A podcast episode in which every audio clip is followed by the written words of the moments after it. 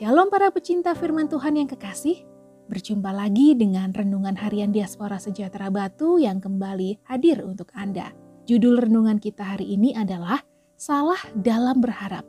Bacaannya terambil dari Wahyu 18 ayat 11 sampai 16. Dan pedagang-pedagang di bumi menangis dan berkabung karena dia, sebab tidak ada orang lagi yang membeli barang-barang mereka, yaitu barang-barang dagangan dari emas dan perak, permata dan mutiara, dari lenan halus dan kain ungu, dari sutra dan kain kirmisi, berbagai jenis barang, dari kayu yang harum baunya, berbagai jenis barang dari gading, berbagai jenis barang dari kayu yang mahal, dari tembaga, besi dan pualam, kulit manis dan rempah-rempah, wangi-wangian, mur dan kemenyan, anggur, minyak, tepung halus dan gandum, lembu sapi, domba, kuda dan kereta, budak dan bahkan nyawa manusia.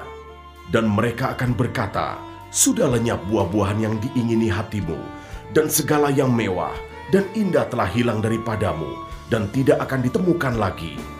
Mereka yang memperdagangkan barang-barang itu, yang telah menjadi kaya oleh dia, akan berdiri jauh-jauh karena takut akan siksaannya, dan sambil menangis dan meratap.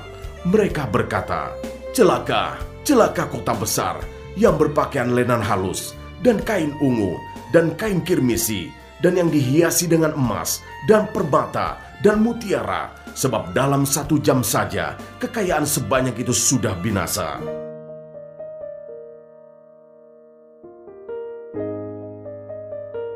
Dan pedagang-pedagang di bumi menangis dan berkabung karena dia, sebab tidak ada orang lagi yang membeli barang-barang mereka. Wahyu 18 ayat 11 Kita semua yakin bahwa tiap manusia punya pengharapan dalam kehidupannya. Ketika apa yang diharapkan tercapai, maka kebahagiaannya akan semakin bertambah. Namun, jika harapan tersebut tertunda atau bahkan tidak sesuai dengan yang diharapkan, yang muncul bisa stres, kecewa, kehilangan sukacita, dan sebagainya.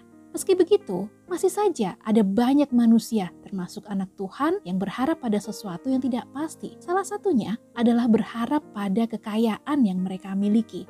Seringkali kekayaan ini dijadikan sebagai sebuah kekuatan yang besar karena dianggap akan sanggup menolong manusia untuk menjalani kehidupan yang nyaman, baik hari ini dan di masa depan. Dengan dasar pemikiran yang seperti ini, mereka beranggapan jika memiliki harta yang banyak, maka hidupnya pasti terjamin. Tapi nyatanya, semuanya itu salah di hadapan Tuhan. Bacaan saat ini mengingatkan bahwa kekayaan adalah sesuatu yang tidak pasti dan sama sekali tidak memiliki kekuatan. Manusia bisa saja kehilangan kekayaan dalam sekejap mata, dan kekayaan juga bisa membuat manusia sombong.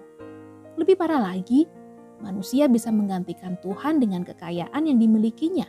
Dengan kata lain, yang menjadi Tuhannya adalah kekayaannya. Oleh karena itu, orang yang bijak tidak akan pernah salah dalam meletakkan pengharapannya. Mereka berharap hanya kepada Tuhan.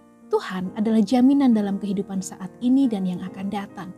Dia tidak pernah mengecewakan sebab dia adalah pribadi yang paling memahami kehidupan manusia. Jadi izinkan Allah mengoreksi diri Anda supaya tahu kepada siapa Anda meletakkan pengharapan dalam hidup ini.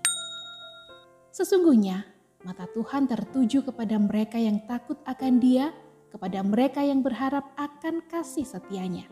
Mazmur 33 ayat 18. Tuhan Yesus memberkati.